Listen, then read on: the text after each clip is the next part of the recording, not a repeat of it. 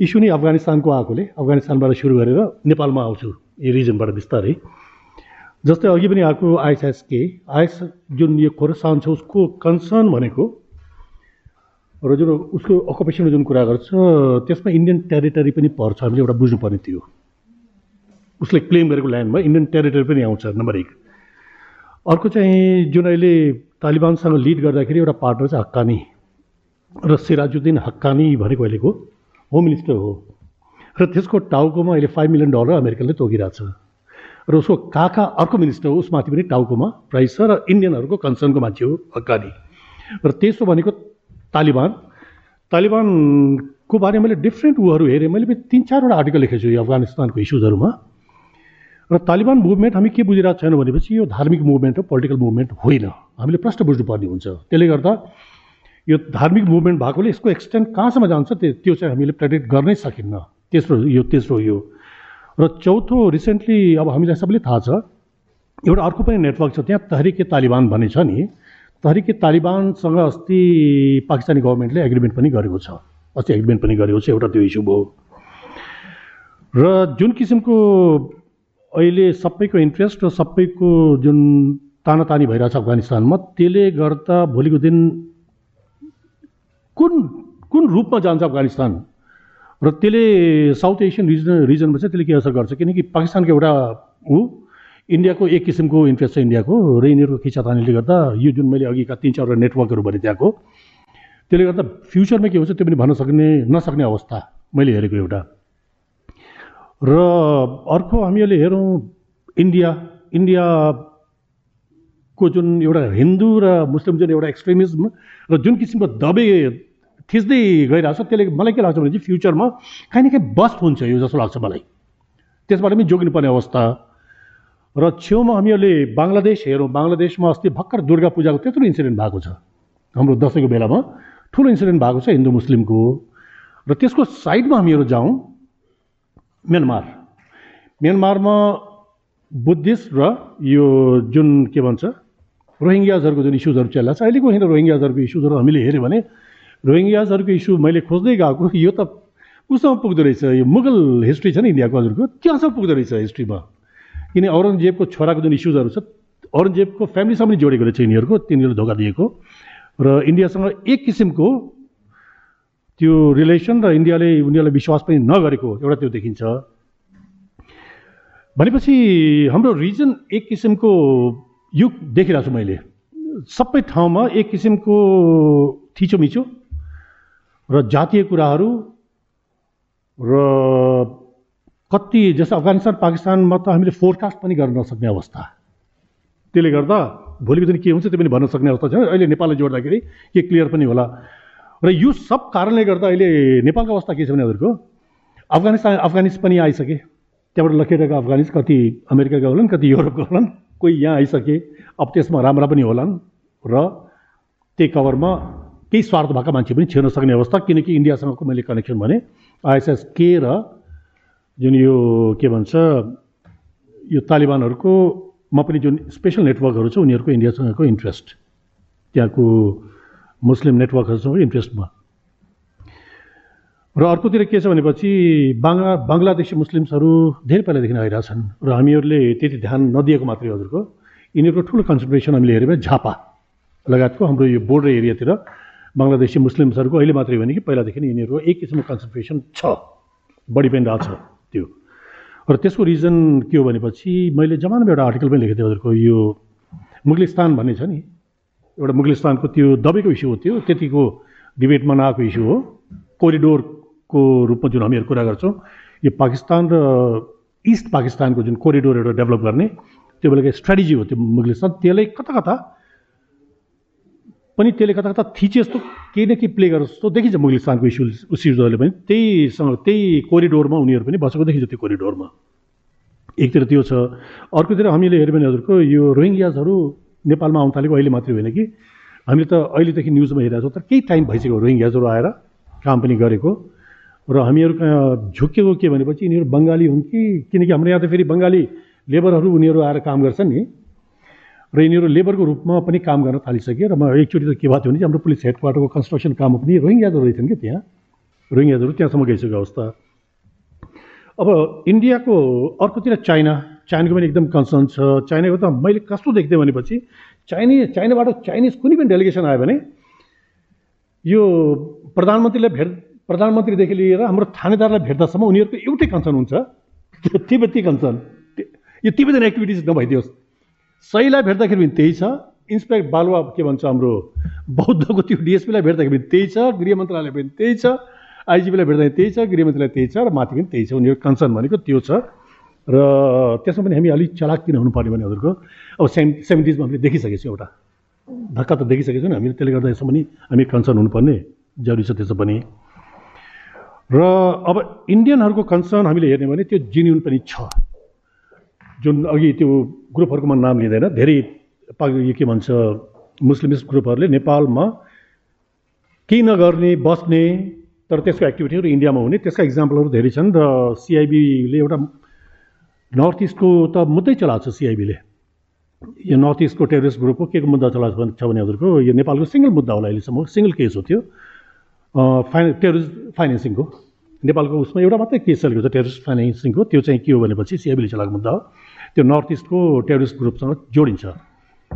र त्यो मान्छे नेपालमा आएर त्यो टेरोरिस्ट ग्रुपको हेड त्यो मान्छे नेपालमा आएर नेपाली केटी बिहा गरेर जग्गासँग किनेर घर बनाएर जम्मै इस्टाब्लिस भइसकेको मान्छे यहाँबाट एक्टिभिटी चलाउँदो रहेछ। एउटा घटना थियो। नेपाली पनि हुँदो रहेछन् भन्न खोजेको मैले। एउटा त्यो र अर्को एउटा इक्जाम्पल के छ भनेपछि इन्डियाको त्यो रेल यो इन्डियन मुजाहिदिनको इस्युसँग जोडिएको वीरगन्जतिर कतातिर बिहा गरेर बसेको घटना त्यो पनि हामीलाई थाहा छ। अब त्यसको फर्दर नभनौँ यसको। त्यो त्यो त्यो कसरी टुङ्ग्यो त्यो आफ्नो ठाउँमा छ। त्यसले पनि नेपाली नागरिकता लिएर बिहा गरेर बसेको इन्डियनले। त्यो पनि टेरिस्टसँग जोडे त्यो त्यहाँको यो रेलवेको ब्लास्टसँग जोडेको मान्छे हो त्यो। र त्योदेखि बाहेक पनि हामीले हेऱ्यो भने थुप्रै घटनाहरू छन्। चाहे त्यो पोखराको घटना होला चाहे त्यो मुस्ताङको घटना होला चाहे त्यो काठमाडौँबाट घटनाहरू होला इन्डियन मुजाहिदिनका मान्छेहरू यहाँ बसेका र इन्डियनहरूको कन्सर्नमा त्यो अपरेसन्सहरू टुङ्गिएको र अपरेसनको रिजल्ट के भयो त्यो भन्नु त्यो आफै हामी बुझ्न पनि सकिहाल्छौँ हामीहरू। अब नेपालको हकमा एउटा प्रब्लम के छ भने नेपालमा अघि सरबाट आएको थियो एपिएफको इस्यु अब मेरो घर त कैलाली हो। यो कर्णाली पुल भन्दा पनि यो नयाँ पुलबाट जाउँ भनेर गएको हो बोर्डरसम्म जाउँ भने खकुरालासम्म गएको त्यो ढिकमा बसिरहेछ। त्यो प्लास्टिकको टाँगेर एपिएफको बर्खा आयो भने त्यसलाई त बगाएर त कैलाशपुरी पुग्छ त्यो मान्छे त इन्डियाको। कैलाशपुरी ड्याममा खोज्नु परि जाने अवस्था छ। भनेपछि एउटा त के छ भनेपछि जो बोर्डरमा जिम्मेवारी लिएको जुन एजेन्सी छ त्यसमा हामीहरूले कति रिसोर्सेस दिएका छौँ हामीले कति कसरी हामीले मान्छेहरू डिप्लोय गरेका छौँ त्यो हाम्रो प्रायोरिटी के हो? किनकि यहाँको सिक्युरिटीको प्रायोरिटी मैले पोलिटिसियनको हेर्दाखेरि के हेर्छु भनेपछि पुलिस या एपिएफलाई हातमा लिएपछि चुनाव जितिन्छ भन्ने सोच छ। सिक्युरिटी सेन्सै छैन यिनीहरूको पोलिटिसियनहरूको। चुनाव जितिन्छ एउटा अर्को आफ्नो विपक्षीलाई कसरी त हलाउने त्योदेखि बाहेक यिनीहरूले सिक्युरिटीको बारेमा के बुझेकै छैन जस्तो लाग्छ मलाई।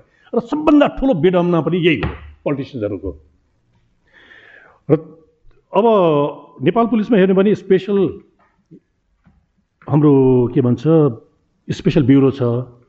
तर कहिले कहिले प्रब्लम कस्तो देख्छु भनेपछि स्पेसल ब्युरो भनेको त त्यहाँ त स्पेसलाइज मान्छेहरू बस्नुपर्ने र एक बेला त कस्तो थियो भने चाहिँ स्पेसल ब्युरो लामो समयसम्म मान्छेहरू बस्थ्यो त्यहीँ क्याडर डेभलप हुन्थ्यो त्यहीँ क्याडर्सहरू हुन्थ्यो तिनीहरूको र लामो समयसम्म काम गर्थे।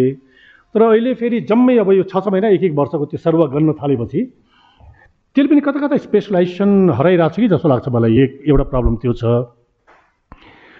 र केही केसमा म भ्याली क्राइममा र सिआइबीमा बस्दाखेरि मैले हेरेको। फेरि हाम्रो इन्स्टिट्युसनल हेडको पनि एउटा प्रब्लम के छ भनेपछि उनीहरूले युनिटलाई अगाडि सार्नुभन्दा पनि मान्छेको अनुहार हेरेर काम गराउने। यो मान्छे मेरो भनेको मान्छ या यसलाई विश्वास गर्न सकिन्छ। विश स्पेसल ब्युरोसँग काम स्पेसल ब्युरोले गर्नुपर्ने काममा चाहिँ सिआइबीलाई खटाइदिएछ। मैले गरेको छु दुईवटा काम त। सिआइबी हुँदाखेरि हामीले गरेका छौँ यो बुझाइदिनु कामहरू। त्यो चाहिँ गलत हो भन्दा भन्दा पनि गर्नुपर्ने अवस्था आयो। भ्याली क्राइमको पनि इक्जाम्पल दिन्छु। एउटा हामीले यस्तै थियो काम त्यो चाहिँ मैले उ गरेँ। गरेँ पछि सोसियल वर्षिक पाएको थियो त्यहाँ स्पेसल ब्युरोमा उनीहरूले डिल गरे त्यो कुरा। एउटा त्यो कस्तो भनेपछि इन्स्टिट्युसनको पनि काहीँ न काहीँ प्रब्लम छ त्यो। विश्वास मान्छेलाई विश्वास गर्ने युनिटलाई विश्वास नगर्ने। स्पेसल ब्युरो छ र उसलाई चाहिँ हामीले स्ट्रेन्थन गर्न पनि लागिरहेको छैनौँ। त्यसलाई प्रोफेसनल्ली डेभलप गर्ने लागिरहेको छैनौँ। रिसोर्सेस हामीले कतिका दिएछौँ। किनकि यहाँ त अवस्था के छ भनेपछि हरेक कुरा उधारमा गर्नुपर्ने अवस्था छ हजुरको। आफ्नो जेबबाट पैसा खर्च गर्ने हो कि? होइन? आफ्नो जेबबाट पैसा खर्च गर्ने उधारोमा चाहिँ कुनै पनि काम चाहिँ हुँदैन। चाहे त्यो इन्टेलिजेन्स कलेक्सनको कुराहरू होला लगायतको इन्भेस्टिगेसन कुराहरू होला त्यसमा हामीहरू एकदमै ठुलो ल्याकिङहरू एकदम ऊ छ। र इन्टर एजेन्सी कोअपरेसनको कुरा गरौँ हाम्रो त कस्तो छ भने चाहिँ कहिले एपिएफ र नेपाल पुलिसको होला एपिएफ र आर्मीको होला गृह मन्त्रालय नेपाल पुलिसको होला कहिले एकदमै गालामा मै खाने अवस्थामा पनि पुग्छौँ हामीहरू कहिले फेरि ताना तान हुन्छ खुक्री ताना तान इन्टर एजेन्सी कोअर्डिनेसन यस्तो छ हामीहरूको। किनकि नेपाल पुलिसले चाहेर मात्रै पनि के गर्न सक्दैन। एपिएफले चाहेर पनि गर्न सक्दैन आर्मीले चाहेर पनि गर्न सक्दैन। यो त इन्टर एजेन्सी कोअर्डिनेसन कुराहरू हो। र सेक्युरिटीको हामीहरूको सबै गएर डिस्कस हुने छलफल हुने ठाउँ भनेको त सिंहदरबारमा छ नि हाम्रो के भन्छ त त्यसलाई? राष्ट्र राष्ट्रिय सुरक्षा परिषद। राष्ट्रिय सुरक्षा परिषद कस्तो भनेपछि हाम्रो पुलिसको अरूको त मलाई थाहा छैन आर्मीको। हाम्रो पुलिसको कस्तो रिटायर भएर काठमाडौँमा त्यो व्यवस्था मिलाउनु पर्ने हुन्थ्यो रिटायर हुनुभन्दा पहिला। ती मान्छेहरू आएर बस्छन् त्यहाँ। छोराछोरीहरूलाई तलाउनु पऱ्यो घर बनिरहेछ भने। डम्पिङ ग्राउन्ड हजुरको त्यो बेचारा या आइजिपीलाई रिस उठ्यो भने त्यो मान्छे लात हानेर त्यहाँ लगेर पुऱ्याइन्छ फेरि। त्यो थुप्रै घटनाहरू छन् त्यो हाम्रो प्राइम एजेन्सी हो त्यो त। प्राइम एजेन्सीको हालत यो छ। त्यसले गर्दा मैले भने एउटा त्यो छ। र फेरि टेरोरिजमको इस्यु अर्को कस्तो हुन्छ भने सर? मैले भने नि इन्टर एजेन्सी कोअर्डिनेसन भनेको एउटा कुरा भयो। र टेरोरिजम भनेको त यहाँदेखि अफगानिस्तानसम्म फैलेछ नि त। यहाँदेखि अमेरिकासम्म फैलेछ होइन? विदेशका मान्छे यहाँ आउँछन् छलफल गर्न समन्वय गर्न।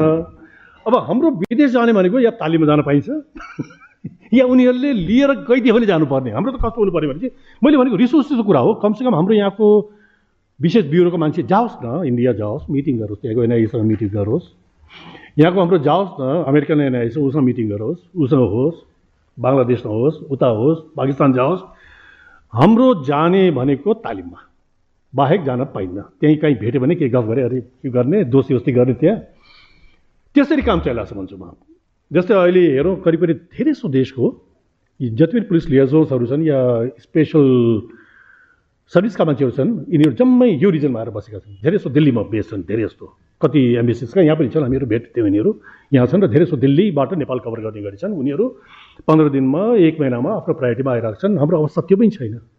यहाँ उनीहरू लगिदिनु पऱ्यो मलाई याद छ कतिवटा इन्भेस्टिगेसनमा उनीहरूको खर्चमा लिएर गएको छन् उधारो एउटा त चिठी के पठाएको थियो भनेपछि मलाई याद छ यो बिएले मेरो नाम तोकेर। उधारोमा दिनु पऱ्यो भनेर लेखेको थियो कि? उनीहरूले बरो गरेको मलाई। ए मैले यस्तो चिठी त्यो चिठी फेरि फिर्ताखेरि अर्को चिठी पठाइदिएँ बरो गरेको। सबै बरो थियो। दुई हप्तालाई चाहिँ बरो गर्नु पऱ्यो मिस्टर मल्ल भनेर। म नार्कोटिक्समा एसपी थियो त्यो बेला। बरो गरेको बेला। ब्याङ्कक लागि। चापडी मागेको मलाई मैले पनि चिठी लेख्न पाइनँ मैले। त्यो हालत छ हामीहरूको मैले भनेको रिसोर्सेसहरूको यो हालत छ कोअर्डिनेसन यो हालत छ होइन सर? त्यसले गर्दा गभर्मेन्टले सबभन्दा पहिला त के छ गभर्मेन्टले सुरक्षा भनेको के हो त्यो बुझ्नु पऱ्यो चुनाव जित्ने कुरा मात्रै होइन। किनकि रविन्द्र प्रसाद शाह साहबले मलाई एकचोटि भनेको अहिले पनि बिर्सिनु टाइम बाँकी छ एक मिनट।